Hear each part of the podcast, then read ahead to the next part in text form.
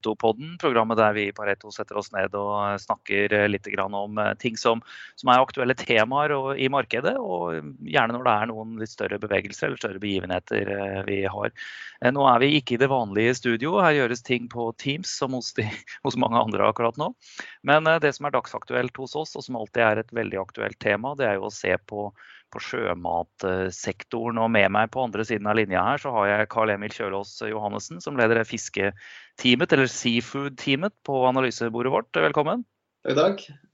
God dag, Sist vi snakket sammen, det var jo etter eh, North Atlantic Seafood Forum i Bergen. Jo, eh, og da hadde det begynt å komme litt korona. Det var kanskje 20% av de som, som, møtte, som, vanligvis skulle møte opp, som ikke fikk kommet, eh, og som deltok på videostream. Det var også noen av foredragsholderne som hadde fått reiserestriksjoner og deltok på videostream. Men, men, men ting i markedet var jo omtrent eh, normalt. Og så plutselig så har vi fått dette Eh, denne virussituasjonen kastet eh, på oss. Og den har jo hatt en, en masse effekter på alt fra laksepriser til ikke minst valutakurser. Og dette skal vi komme tilbake til. Fordi du har publisert en, eh, eller teamet ditt og deg har publisert en, en stor sektorrapport i dag, som jo kan leses i sin helhet på Pareto Securities sine hjemmesider. Og du røper jo litt i tittelen på rapporten. 'Strong long term fundamentals unchanged', står det her. Men du tar også Eh, sektoren og en rekke selskaper opp fra eh, holdanbefalinger eh, til kjøp. Og hvis vi spoler litt tilbake til sist vi snakket sammen, så, så, var jo tilstanden i sektoren veldig robust. Men det hadde vært bra veldig lenge, og selskapene lå kanskje priset på et noe noe høyere nivå enn, enn det man som sånn fundamentalanalytiker liker å se på og kalle billig. Da. Mm. Eh, og eh, nå sitter vi her, og eh, ting har mildt sagt endret seg litt. Men, men om man ser på, på, Jeg tok ut noe statistikk bare før vi, før vi setter i gang liksom, og lar deg få, få ordet. Men Oslo Børs Seafood Index ned ca. 14,5% hittil i år, pluss nesten 2 siste tolv måneder. Eh, Oslo Børs hovedindeks til sammenligning ned 20,83% hittil i år, og minus 16,7% siste år. Så, så, så, så, Seafood har jo gjort det bedre enn indeksen på, på selve det nivået. Og Så har vi jo også to uh, priser som er verdt å omtale. og det er jo også valutakursene, hvor vi ser euroen har steget, dvs. Si norske kroner altså svekket seg. 16,5% hittil i år mot euro. Eh, og nesten 20% siste år. Eh, på dollar så er det nesten 19, eller 19,9, nesten 20 eh, ned på norske kroner hittil i år, og 24% siste år. Så krona svekket seg betydelig. Markedet falt.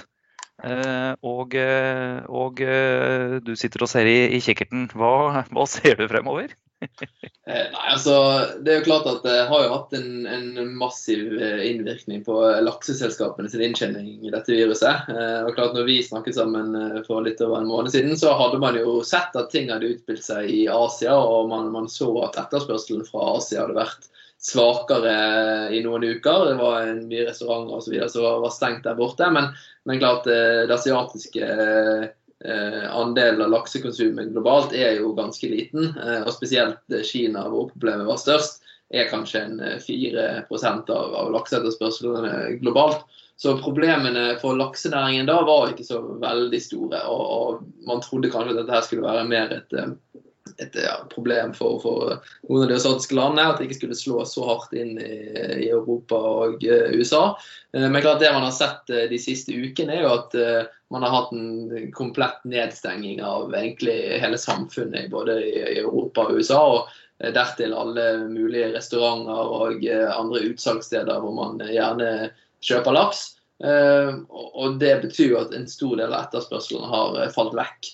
Eh, hvis, vi, hvis, vi, ser litt på, på, det poenget der, så er det jo altså Mange i Norge er jo kanskje vant til å spise laks til, til middag, men, eh, men eh, når, når, dere lager estimater, så, så, er man jo klar over at liksom ute, i, i særlig USA, men også Europa, så er vel dette, og Asia, dette restaurantmarkedet er, er, av større betydning, eller av veldig stor betydning, i forhold til det å gå i butikken og kjøpe fileter. Absolutt. Og kanskje globalt så er rundt 50 eh, out of home, så på restauranter eller sushi eller eh, hva det måtte være, mens resten kanskje er via retail. I Europa er det kanskje 60-40 i favør at retail er størst, mens i, USA det er kanskje omvendt med, med 60% out of home og 40 eh, på retail. Og i Asia er det desidert mest out of home, og kanskje opp mot 80% av konsumet skjer på restauranter. Um, så det er klart at når restaurant eh, globalt stenger ned, så slår det veldig på eh, det, det tilgangen folk har til laks, og og situasjoner man spiser laks. Men så ser man jo at folk skal ha mat, og når man går mer på butikken og handler alle sine måltider der, så går jo nødvendigvis konsumet i retail opp. Og, da får jo laks også litt positive effekter fra det ved at folk da faktisk handler laks oftere i retail. Eh, men det er ikke i nærheten nok til å veie opp fra den tapte etterspørselen man ser fra eh, restaurantbransjen og catering.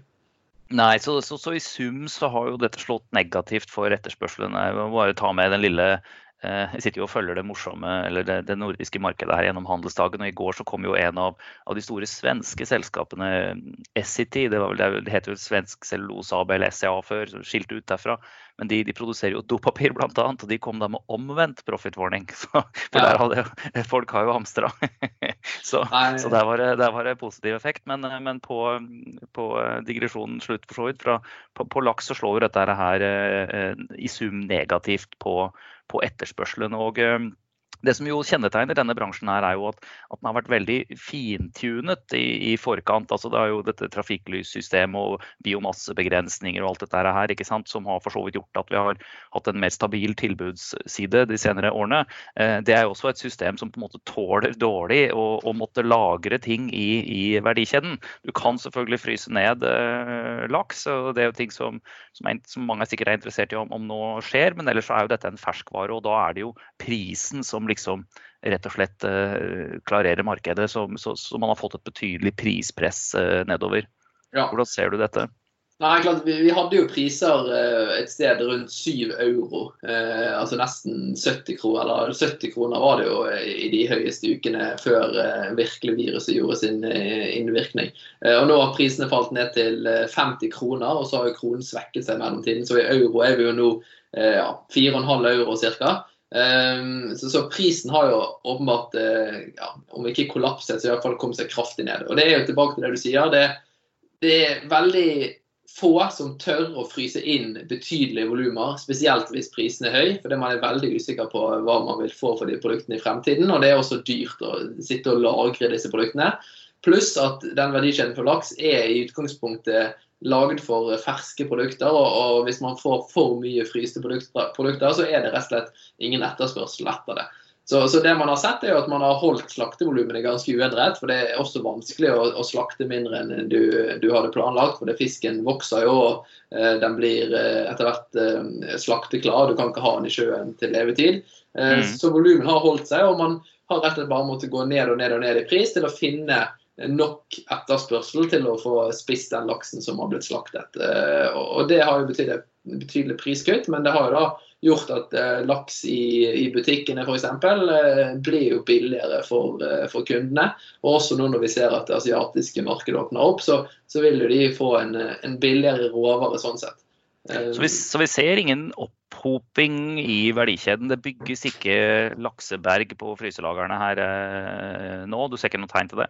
Ikke når du på en måte snakker om lakseberg. Da, da ser sikkert folk for seg at det er på en måte metervis på metervis på, med laks og i alle eh, kanaler. Eh, og det, det, er det ikke. Eh, det er klart det er mer eh, fryst inn nå enn det det ville vært til vanlig. Eh, fordi at egentlig på den tiden så fryser du jo ikke inn noe som helst, for prisene er alltid på sitt høyeste. Eh, så vi ser jo at det er noe mer lageroppbygging. Eh, men dette er egentlig også litt fordi at kundene etterspør fryste produkter. Man ønsker fryste produkter ut i retail, så man må nødvendigvis lage de fryste produktene eh, før mm. man eh, sender de ut til kunden. Så, så ikke noe nevneverdig lagre verken i Norge eller i Europa. Det eneste stedet vi ser litt lageroppbygging, det er i Chile. Og Det handler egentlig også litt om ting som har skjedd før koronaviruset, hvor chilenerne først hadde disse streikene i landet som gjorde at hele distribusjonsleddet der ble litt satt på pause. Og så har man også slaktet veldig mye fisk i Chile i januar og februar. Og Der har man bygget opp litt lager, men, fortsatt en marginal del av, eh, det som spises av laks i løpet av år. Så verdikjeden den, den, den går, det fl produkt flommer igjennom, og det er jo, er jo, positivt. Og En annen ting som for så vidt eh, ut fra slik jeg ser det, er positivt, er jo at eh, riktignok har jo lakseprisene kommet mye ned, men, men, de er jo fortsatt på et nivå hvor det er riktignok mye mindre, da, men hvor det er positiv margin hos produsentene. Ja, så det er jo også selvfølgelig noe å ta med seg at uh, man tjener jo fortsatt penger her. Um, og det er jo også litt hjulpet av den kronen som har svekket seg, sånn at lakseprisen tross alt er ganske høy i norske kroner. Uh, og når du da i tillegg har selskaper med sunne, gode balanser, det er ingen av de som har noe mye gjeld, så er jo det selskaper som vi ikke er noe bekymret for om kommer til å overleve, selv om disse utfordrende tidene her skulle vedvare lenge. Så det man ser rett og slett fra et sånt analysesynspunkt, er liksom ikke her er det ikke store balanseproblemer. det er ikke store, Man har ikke noe sånn restrukturering, refinansieringsgreie, men, men, man må se rett og slett redusert inntjening. Altså, og, og, det er vel et av hovedpunktene i, i, rapporten din også. Hvordan ser du dette spille seg ut uh, fremover i de kommende kvartaler, kan man vel si? Altså, ja, Det er jo vanskelig selvfølgelig, sånn som verden er nå, å gi et eksakt eh, spådom på hvordan dette kommer til å bli. Men eh, vi har nå eh, laget et base case, og, og vi tror at Q2 nå blir jo det, det mest utfordrende kvartalet. Og tror på en laksepris på 50 kroner. Vi lå tidligere med 67 kroner, så det sier jo litt om, om den endringen vi har gjort. Så tror vi at det vil bedre seg litt inn i Q3, men i Q3 har du typisk de høyeste slaktevolumene. og, og hvis man kanskje har holdt litt igjen i Q2, så vil man kanskje få enda litt høyere enn vanlig i Q3. Så vi tror fortsatt på et utfordrende marked i, i Q3, og eh, ligger der med en pris på 45 kroner eh, mot tidligere 56. Eh, og så forventer vi at markedet vil eh, bedre seg i Q4, at man vil få en mer normalisert etterspørselsside. Restauranter eh, vil åpne igjen eh, inn mot julerallyet, og man vil, vil kunne klare å, å få økte priser igjen. Eh, og med den svekkelsen av valuta så har vi faktisk økt prisene våre i Q4 fra 57 til 59 kroner. Eh, selv om det fortsatt er ned i euro, da, fra 5,8 til 5,4. Eh, og så tror vi at den normaliseringen vi ser i Q4 da selvfølgelig da vil vedvare inn i 2021. og at etterspørselssiden da vil, vil, komme litt tilbake til normale tilstander. Men fortsatt tror vi at det vil ta litt tid før man er helt tilbake på spesielt det restaurantmarkedet, eh, og har tatt ned estimatene våre i euro fra 6,2 til 5,8 i 2021. Men pga. den veldig svekkelsen av kronen, så, så, kommer faktisk prisen bitte litt opp i norske kroner til 63 kroner i 2021. Eh, og, og vi tror sånn at inntjeningen for de norske selskapene i norske kroner vil bli ja, egentlig ganske som det vi forventet før koronakrisen i 2021. som det vi forventer nå. Ja, altså det, Dette er jo et, eh, et uh, interessant uh, scenario og for så vidt vanskelig å, å, komme med noen noe store innsigelser mot, slik jeg ser det. Men det, i inneværende år så har jo dette prisfallet. Eh, og eh, selv om det ikke har skjedd så fryktelig mye på kostnadssiden, kanskje, iallfall ikke i samme størrelsesorden, så, så, medfører jo det et betydelig fall i, i, i, estimatene for inntjeningen til selskapene. Men det er altså, slik du ser, nesten en sånn kald dusj, og og så går det over i, i årene fremover. Ja, vi, vi, tror jo det. Og det er klart at det, eh, som er vanskelig å helt si, er jo eh, når de eh, voldsomme tiltakene for å begrense spredningen av koronaviruset vil opphøre. For det er jo de som gjør at du akkurat nå ikke har et fungerende restaurantmarked. Um, og så er det selvfølgelig litt vanskelig å si om folk kommer til å komme tilbake på, på disse restaurantene med en gang. Men der bruker vi jo den empirien vi har. Og hvis man ser på det asiatiske markedet med, med Kina i spissen, så har vi jo sett at der har egentlig etterspørselen tatt seg opp eh, veldig fort, og man er allerede nå tilbake på de eh, volumene man konsumerte eh, av laks før koronaviruset slo ned markedet der. Og, viser jo at man vil komme tilbake til normalitet ganske, ganske fort. Og det skal jo da igjen gjøre at vi tror at lakseprisen skal opp igjen mot de normale nivåene. Men klart, inneværende år så blir det en voldsom estimatkutt, og vi har kuttet estimatene med i snitt 30% for, for 2020. Og det viser jo selvfølgelig også litt hvor sensitive disse selskapene er for store endringer i, i både etterspørsel og eventuelt tilbud. Um, og man er jo tross alt en, en slags råvareprodusent hvor man produserer laks. Og er jo prisgitt hva, hva, man klarer å oppnå i, i, pris på dette produktet. Ja, men det er jo, uh, alt er jo relativt. Det finnes andre bransjer som, som har måttet tåle noen enda større prisendringer, kan man vel si. Bare se på olje. Og der hvor, hvor balansene Eh, i noen tilfeller kan være mer utfordrende. Så, så Sånn sett så er jo eh, aksjen eh, laks en, en, relativ vinner her. Men hvis du skal, skal, Du snakker jo Vi fikk tak i det på slutten av dagen her i dag, men rapporten er jo ute i dag, og du snakker med massevis av, av investorer. En del av de er opptatt av av, av, den anbefalingsendringen som er gjort nå, hvor du egentlig tar hele sektoren eller bredden her opp til, til kjøp fra hold. Hvor ser du største verdier? Er det noen kandidater du vil trekke fram for, for hvor nye investorer eller gamle nå skal, skal skyve skjetongene inn på bordet igjen? Altså, vi, eh, vi, har jo vært eh, fan av den Lerøy-aksjen en stund, og, og, mener jo fortsatt at det er et uh, veldig godt kjøp. Uh, det er den aksjen vi, vi synes prises uh, mest attraktivt, og, og, ser den største oppsiden i av, av de store aktørene her. og syns jo generelt at akkurat nå så er det kanskje tryggest å, å gå for de store. Og, vi tror jo òg til de som vil ha minst negativ eh, estimatrevidering, fordi de har litt mer diversifiserte verdikjeder og, og selger litt eh, mer variert utvalg av produkter. og fremhever sånn sett Lerøy som vårt topic der.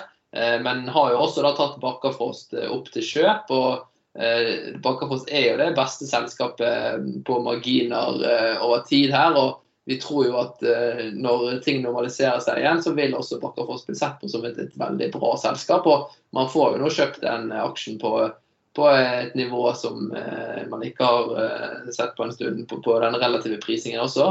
og syns også det er en bra aksje for en, en langsiktig investor. og også Eh, SalMar, som er liksom det andre veldig kvalitetsnavnet, eh, synes vi også at det ser attraktiv ut eh, på disse nivåene her.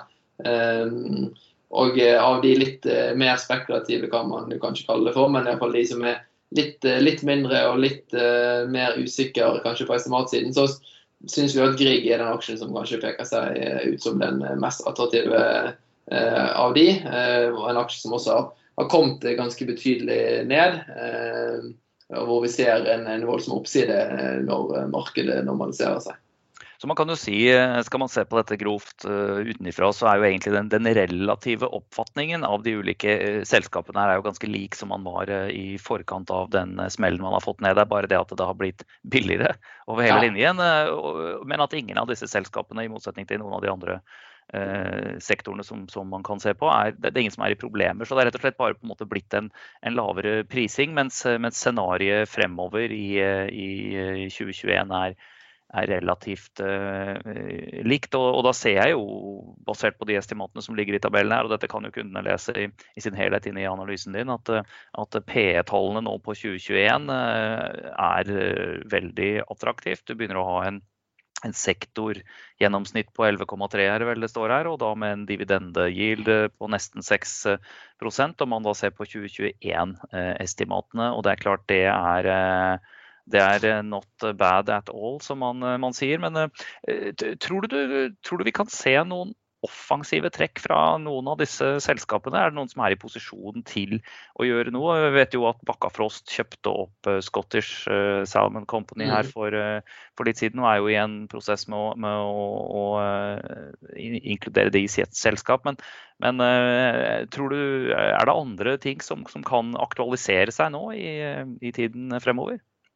Ja, Det er jo klart at uh, i, i, sånne vanskelige tider så er det jo kanskje uh, da man kan se litt M&A-aktivitet. Uh, vi sliter jo kanskje litt med å se at noen av de børsnoterte nødvendigvis skal kjøpe hverandre. Det er jo sterke eiere i de fleste av disse selskapene som ikke virker som om de er veldig interessert i å selge. Men det er klart Du har jo en, en veldig stor privat sektor på, Lakse-Norge. kan du si. Altså Nesten halvparten av laksen i Norge produseres jo av selskaper som ikke er på børs.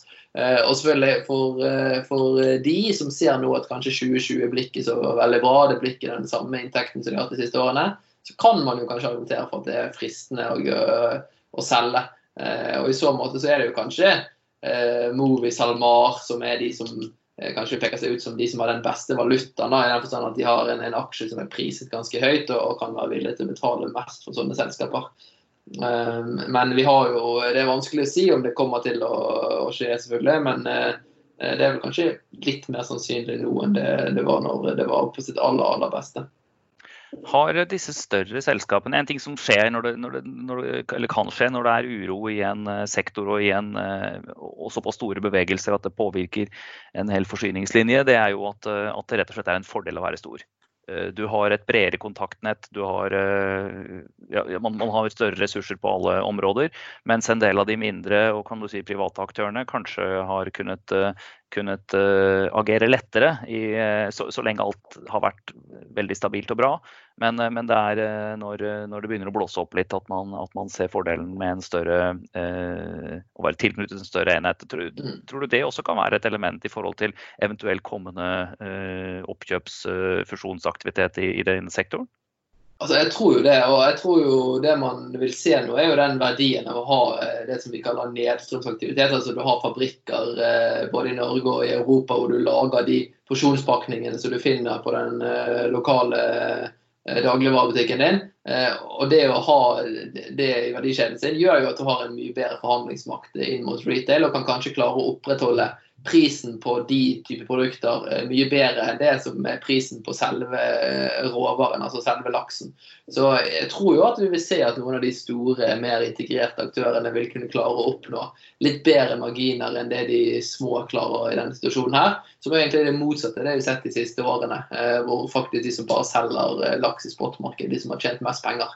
Um, og Det vil jo også kunne være noe som kan være kall det en ja, bidra til at en eh, oppkjøp kan være mer attraktivt. At du, at du får en, eh, en, oppside der med å kunne ta mer volumer inn i den eh, verdikjeden din og sånn sett tjene mer penger på den fisken du har tilgjengelig. Dette var jo et tema i hvert fall tilbake til North Atlantic Seafood Forum, om man skal kjøre den sirkelen komplett på, eh, som en avslutning her. sånn at eh, det å, det å, bygge produkt og det å bygge marked eh, var noe veldig mange var opptatt av, og som jo også Movi trakk fram, som var grunnen til at de gjorde en navneendring for rett og slett å, å bygge mer et kjent brand der ute, og for å kunne, kunne synes godt i, i fryse, eller ikke frysediskene, men i diskene der hvor folk kjøper det ferdige produktet, rett og slett. Mm. Og klart, Da trenger man størrelse. Det er dyrt å drive både markedsføring og produktutvikling. Og, uh, og, men om man lykkes på det, så, så, får man jo voldsomt gode marginer. Det er bare å se på et selskap som Orkla, som har uh, ja, tosifret uh, EBIT-marginer på de produktene de selger. Det ikke, har ikke lakseselskapene på det som vi kaller for nedstrømsaktiviteten deres enda. Så det er masse potensial hvis man klarer å bygge en merkevare her som som folk er villige til å betale ekstra for å, kjøpe. Det er sikkert. Men eh, nei, dette her var eh, bra. Da må vi nesten si tusen takk til eh, Carl Emil. Strong long term fundamentals unchanged. Seafood-rapport 84 sider kan man kose seg med i kveld. og kan hende han varer helt til i morgen, faktisk, hvis man setter seg ned og, og, begynner å lese den. Den ligger på Pareto Securities kundeweb. Du har møtt, i hvert fall virtuelt, en masse investorer i dag, og kommer vel til å fortsette med det i inn- og utland i eh, de kommende dagene denne uka. her. Sånn. Takk for at vi fikk noen minutter på slutten av dagen. Og jeg får si til, til lytterne der ute som vanlig at uh, vi setter pris på, uh, på, feedback, særlig hvis den er positiv. og, og, lik og del og, og, alle de tingene som man gjerne gjør i sosiale medier. Så høres vi igjen ved, ved neste korsvei. Jeg var, glemte vel å presentere meg selv. Karl Oskar Strøm jobber mye med de digitale tjenestene her hos oss. og, og vi høres sikkert igjen. Så får vi si tusen takk til Karl Emil, eh, og ha en fin kveld videre.